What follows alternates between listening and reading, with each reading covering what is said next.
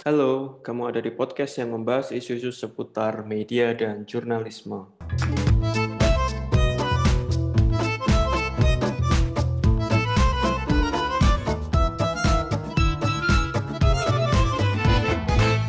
Ya, eh, selamat tahun baru 2021 buat teman-teman.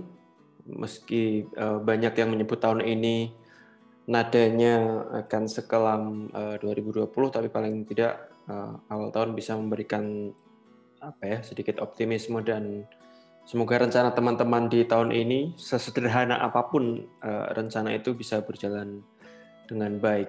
Nah, eh, di episode kali ini saya tidak mengundang narasumber, Eh, sebagaimana di awal tahun, saya ingin membahas tentang eh, prediksi media dan jurnalisme di tahun 2021. Setelah tahun 2020 eh, yang saya bahas di akhir tahun lalu, ya yang kondisi jurnalisme di Indonesia saya kira mencemaskan ya dari problem kekerasan terhadap jurnalis sampai ancaman krisis ekonomi yang melanda industri media di Indonesia. Nah, di episode kali ini saya ingin membahas prediksi jurnalisme tahun 2021 secara umum di industri media secara global dan coba mengkontekstualisasikan nanti sekilas dalam konteks di Indonesia. Nah, prediksi semacam ini kalau saya sendiri sebenarnya terinspirasi dari Newman Lab. Jadi Newman Lab salah satu lembaga di Amerika Serikat yang uh, fokus di pengembangan jurnalisme ya. Nah, uh, setiap tahun uh, Newman Lab ini akan meminta pendapat dari uh, puluhan bahkan ratusan stakeholder media, uh, baik itu wartawan, akademisi, peneliti, pengamat media, pembaca media, dan sebagainya untuk memberikan prediksinya di tahun yang uh, apa bersangkutan. Nah, saya sudah mulai membaca prediksi jurnalisme dari uh, Newman Lab ini dari tahun kalau tidak 2014 2015. Nah, uh, di akhir tahun 2020 kemarin ada sekitar 150-an orang uh, yang bekerja di industri media yang memberikan pendapatnya uh, kepada Newman Lab terkait dengan uh, prediksi atau apa-apa saja yang mesti diperhatikan terkait dengan uh, dunia jurnalisme di tahun 2021. Uh, oh ya, buat teman-teman yang ingin membaca pendapat ini sebenarnya bisa mengakses uh, di websitenya uh, Newman Lab ya. Tadi seperti yang saya bilang, pendapatnya ini beragam dan macam-macam dan memberikan banyak uh, perspektif menarik menurut saya. Ada yang membahas dari uh, aspek kualitas jurnalisme, juga dari perspektif audiens, pembaca media, juga uh, yang membahas ekonomi politik media secara umum. Memang uh, prediksinya ini sebagian besar konteksnya ada di Amerika Serikat ya. Ya tentu karena memang basis lembaga ini di di Amerika Serikat dan menurut saya menarik kalau membaca konteks Amerika Serikat uh, terutama buat teman-teman yang mengikuti ketika melihat uh, Amerika Serikat selama empat tahun belakangan di bawah Donald Trump dan akhirnya setelah pemilihan presiden kemarin akan berganti apa berganti rezim baru begitu dengan Joe Biden yang menang dan dan di di sana ada ada prediksi terkait dengan uh, jurnalisme di masa pemerintahan yang baru tetapi masih dalam bayang-bayang uh, pemerintahan Trump begitu. Itu ini menarik untuk untuk untuk membaca apa yang disampaikan oleh para praktisi dan juga pengamat uh, di Newman Lab. Nah, teman-teman bisa membaca di di website di websitenya Newman Lab ya. newmanlab.org kalau ya newmanlab.org. Nah, uh, meski konteksnya sangat Amerika sentris, tapi saya akan coba uh, rangkumkan beberapa hal yang menurut saya menarik dan uh, relevan uh, untuk dibahas juga untuk dikontekstualisasikan uh, untuk membaca situasi media dan jurnalisme di Indonesia. Menurut saya ada beberapa hal yang yang menarik untuk apa ya ya dijadikan bahan pelajaran atau ya sebagai wawasan untuk melihat apakah ada uh, persamaan atau apakah ada irisan antara apa yang terjadi di di Amerika juga di beberapa belahan negara lain saya kira dengan apa yang terjadi dengan uh, dunia jurnalisme di Indonesia. Nah, saya coba akan merangkum uh, apa sesingkat mungkin ya. Itu karena uh, prediksinya ini banyak ratusan begitu dan teman-teman lebih detailnya bisa membaca sendiri. Nah, uh, ada beberapa hal yang saya kira menarik uh, terkait dengan apa yang akan terjadi dengan jurnalisme di tahun 2021. Nah, yang pertama terkait dengan kondisi jurnalisme saat ini atau setahun belakangan yang ada di uh, masa krisis yang unprecedented ya. Maksudnya pandemi COVID-19 kayak gitu. Dan yang menarik adalah bukan yang menarik ya, yang ironis ya, dalam masa krisis kita sudah hampir satu tahun di, di masa pandemi gitu, uh, sebagian besar media, ini tidak hanya di Indonesia ya konteksnya, sebagian besar media itu masih menggunakan model pemberitaan yang uh, saya sebut sebagai business as usual dalam pemberitaannya. Jadi uh, pemberitaan yang clickbait, yang tidak memberikan konteks, yang hanya memotong penggalan-penggalan peristiwa tanpa meletakkan konteksnya dalam apa secara lebih utuh begitu. Dan ini uh, problemnya adalah ketika model bisnis as usual dalam konteks pemberitaan ya bukan dalam konteks ekonominya itu tetap dilakukan padahal situasi pandemi dan krisis dia bisa memperburuk krisis. Uh, maksudnya begini dalam dalam situasi normal ya berita-berita yang clickbait dan seterusnya itu Eh, saya kira sudah menjadi kewajaran ya untuk tidak menormalkan ya dan memang ini salah satu problem dalam jurnalisme di, di Indonesia gitu. Nah di situasi yang yang normal gitu di situasi non krisis hal seperti itu mungkin uh, biasa saja ya pemberitaan jurnalis. Tapi dalam situasi krisis uh, problem jurnalisme tersebut ini bisa menjadi problem baru karena kemudian taruhannya ini uh, nyawa orang begitu. Misalnya dalam konteks pandemi di Indonesia sudah berapa kalau tidak salah lebih dari 20 ribu orang yang meninggal ya karena karena COVID. Gitu. Misalnya saja kemarin saya membaca berita di uh, di Kumparan begitu yang menyadur berita bahwa penggunaan vaksin ini tidak efektif karena ada ada ada perawat kalau tidak salah di Amerika Serikat yang terkena COVID meski sudah disuntik vaksin. Nah berita ini ramai di di di Twitter sejauh yang saya lihat ya beberapa pakar menyebut bahwa berita Eh, kumparan ini misleading dan bisa membahayakan publik karena kemudian akan memunculkan keraguan publik kepada vaksin padahal vaksin ini kan salah satu apa ya uh, salah satu pintu keluar kita dari pandemi begitu. Nah hal semacam itu yang yang uh, berita clickbait yang tidak memberikan konteks ini yang saya sebut tadi sebagai business as usual. Jadi berita-berita yang mudah mendatangkan klik dan pembaca mendatangkan views dan seterusnya, tetapi efeknya bisa fatal uh, dan berbahaya. Sebenarnya ini juga juga tidak di, dilakukan saja oleh misalnya kemarin kasusnya kumparan ya yang saya baca, tetapi juga uh, Reuters ya yang juga uh, framingnya sama dan ini berbahaya dan itu sudah di call out oleh uh, pakar atau juga iya pakar apa namanya kesehatan yang memang tahu sebenarnya problem terkait vaksin yang diberitakan itu ada di mana. Nah, Uh, itu yang pertama ya terkait bagaimana dalam situasi uh, krisis yang unprecedented dalam situasi pandemi mestinya uh, model pemberitaan jurnalisme juga menyesuaikan dan tidak bisa hanya sekadar mengandalkan model pemberitaan di masa biasa. Karena kemudian resikonya sekarang adalah setiap pemberitaan yang keliru atau misleading itu berpotensi untuk uh, menyesatkan pembaca memberikan informasi yang keliru dan dalam dalam situasi pandemi informasi yang keliru itu urusannya kemudian adalah uh, hidup dan mati begitu. Ini yang yang kemudian mesti diperhatikan dan di tahun 2021 seperti yang ya saya baca di di Newman Lab tantangan ini mesti dihadapi oleh oleh media atau dalam konteks yang personal oleh wartawan. Bagaimana mereka mau menulis pemberitaan yang lebih memberikan konteks yang tidak sekedar mencari klik begitu, tidak sekedar mencari pembaca. Ada ada situasi-situasi yang uh, tidak normal yang mesti diperhatikan.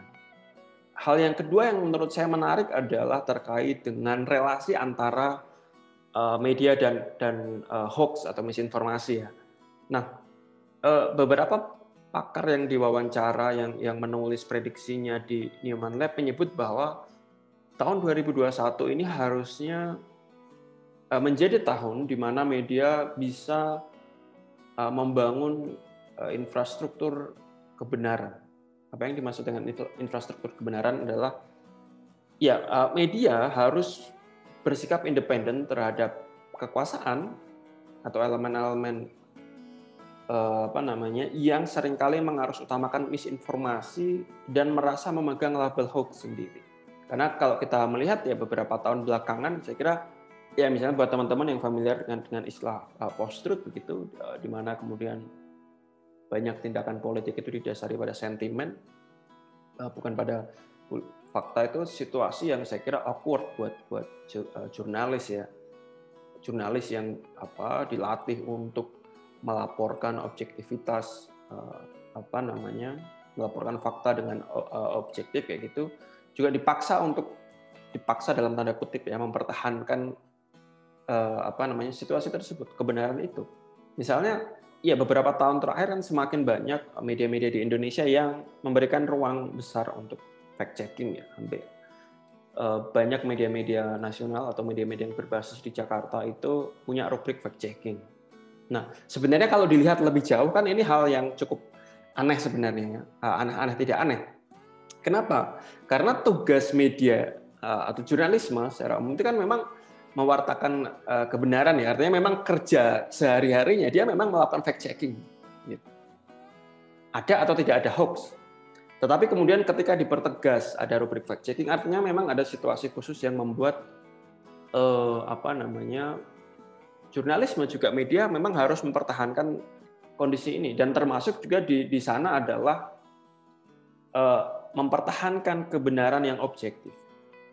Kita melihat misalnya banyak sekali pemegang label hoax atau pemegang label kebenaran eh, eh di banyak negara, saya kira tidak hanya di Indonesia yang baik itu di elemen-elemen uh, kekuasaan yang mencoba membakukan versi kebenaran. Dan ini kan sebenarnya dalam konteks media ya, kita membicarakan media, ya media dalam mendefinisikan kebenaran sebenarnya ya tidak berbasis pada siapa yang mengatakan apa, tetapi sejauh apa media bisa menemukan, memverifikasi, kemudian menyampaikan informasi atau kebenaran fungsional itu ya kalau bahasanya Bill Kovac dan uh, uh, siapa? Uh, Tom Rosenstiel itu yang menulis 9 elemen jurnalisme. Kebenaran fungsional yang bagaimana kemudian uh, jurnalis atau media bisa mewartakan itu dan tidak terjebak untuk mengamplifikasi versi-versi uh, kebenaran lapis-lapis kebenaran uh, yang dimiliki oleh uh, kekuasaan yang ini bisa bisa berarti banyak gitu.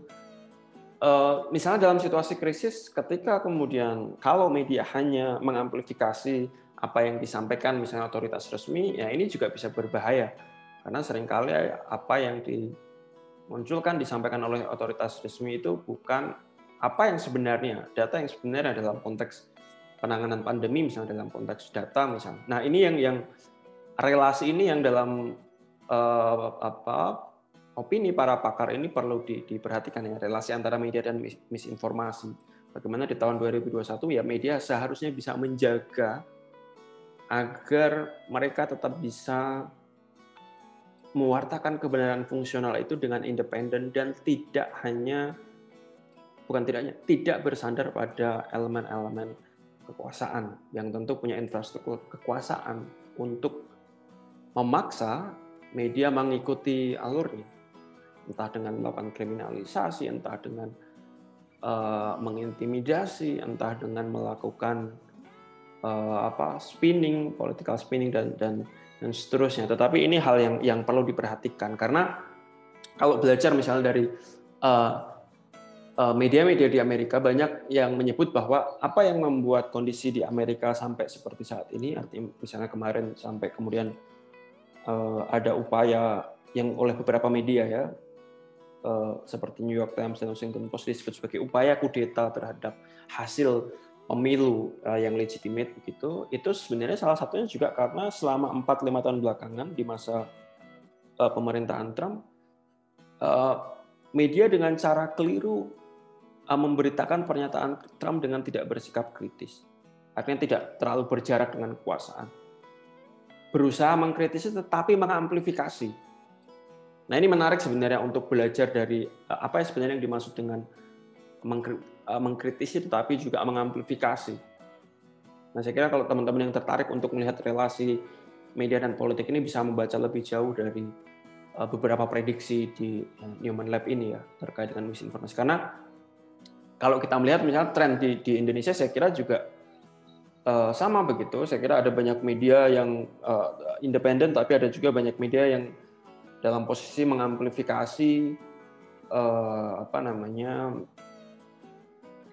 di mana bandul politik mereka berada untuk media-media terutama yang punya afiliasi uh, politik tertentu ya yang pemilik uh, pemiliknya punya relasi erat dengan kelompok-kelompok kepentingan politik tertentu. Ini menarik untuk untuk diperhatikan lebih jauh. Sejauh apa efeknya bisa merusak media itu sendiri, sejauh apa efeknya bisa berperan terhadap pengarus utamaan atau justru sebaliknya uh, membendung misinformasi yang semakin tidak terkendali. Ini menarik untuk dilihat menurut saya.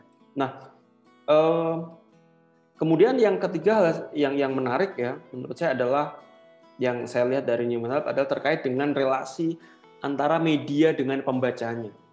Dalam konteks in, dalam konteks di Amerika di datanya Newman Lab ini tahun 2020 itu banyak sekali data yang menunjukkan bahwa jumlah uh, subscriber pelanggan media, media online khususnya, ini semakin naik jumlahnya, semakin pesat ulasannya atau analisisnya ini berhubungan dengan kondisi pandemi ya, yang beberapa membuat banyak orang harus bekerja dari rumah, sementara mereka juga ada kebutuhan akan informasi, sehingga kemudian tuntutan eh, apa namanya untuk membaca berita itu juga tinggi.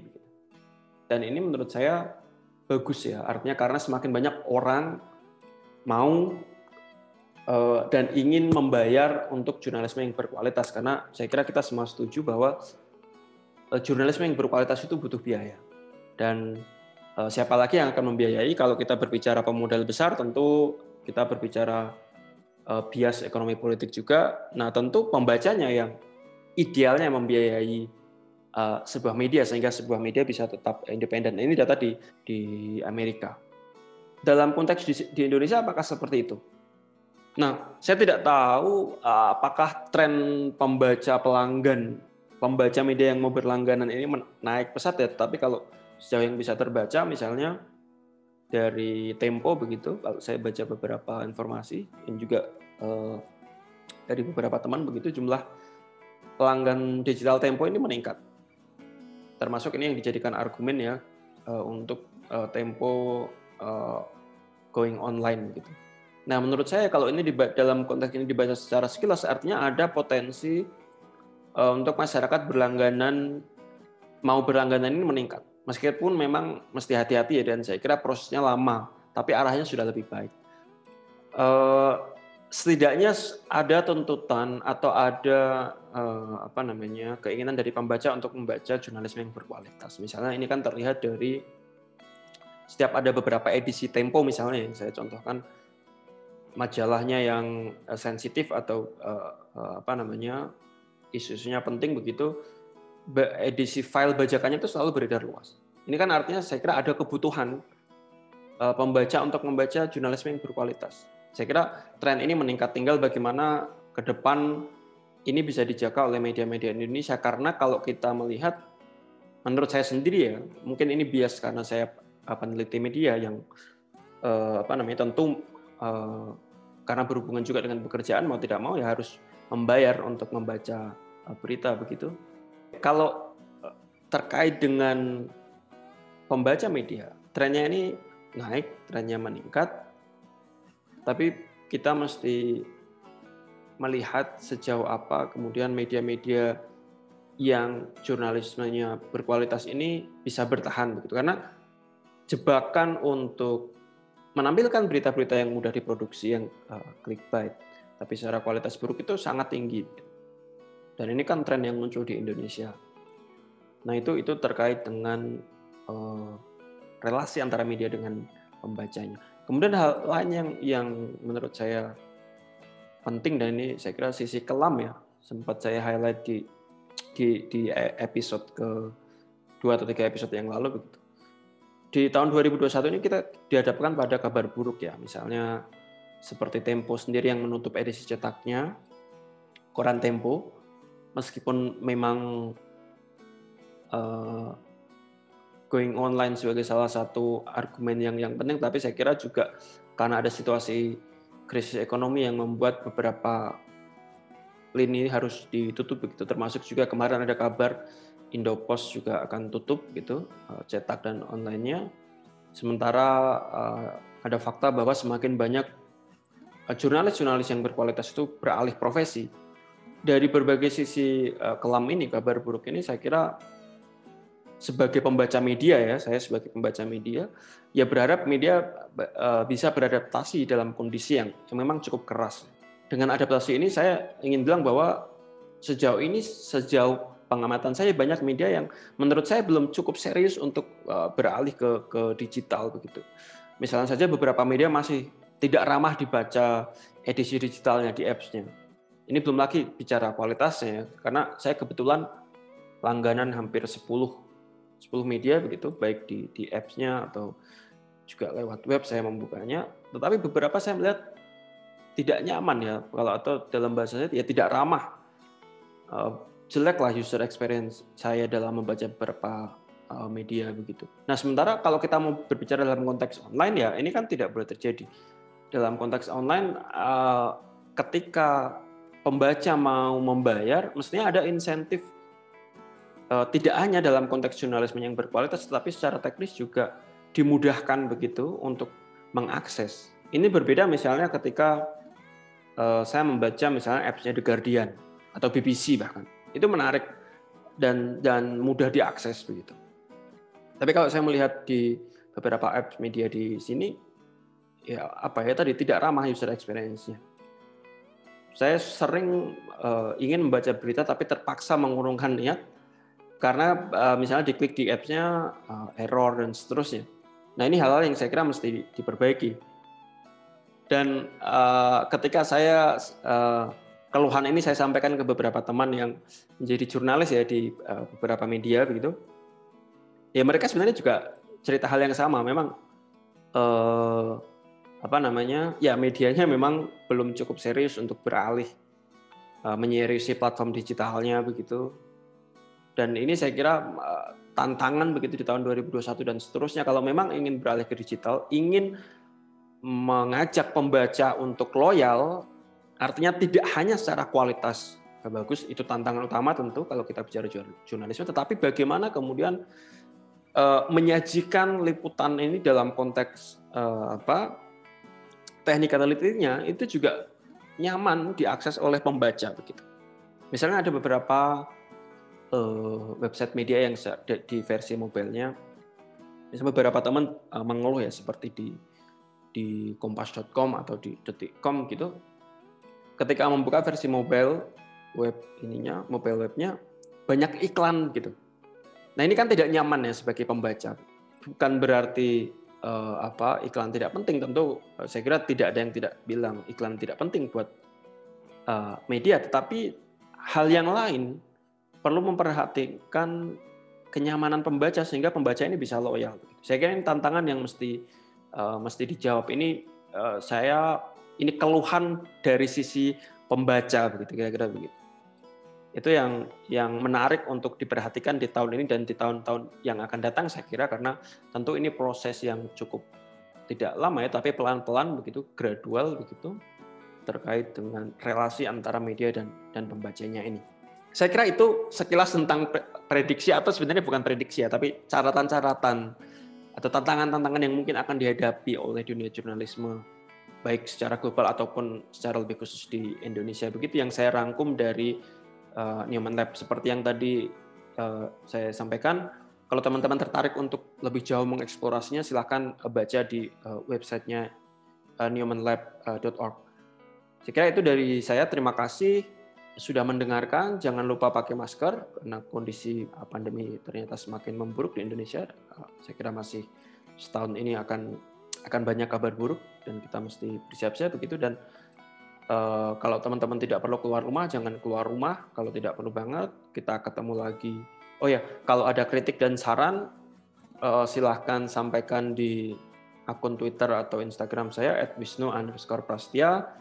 Silakan sampaikan masukan kritik atau ya masuk uh, atau apa pun misalnya ide siapa yang kira-kira perlu untuk saya ajak ngobrol gitu. Nah, kita ketemu lagi di episode-episode uh, selanjutnya. Tetap sehat-sehat selalu. Ciao.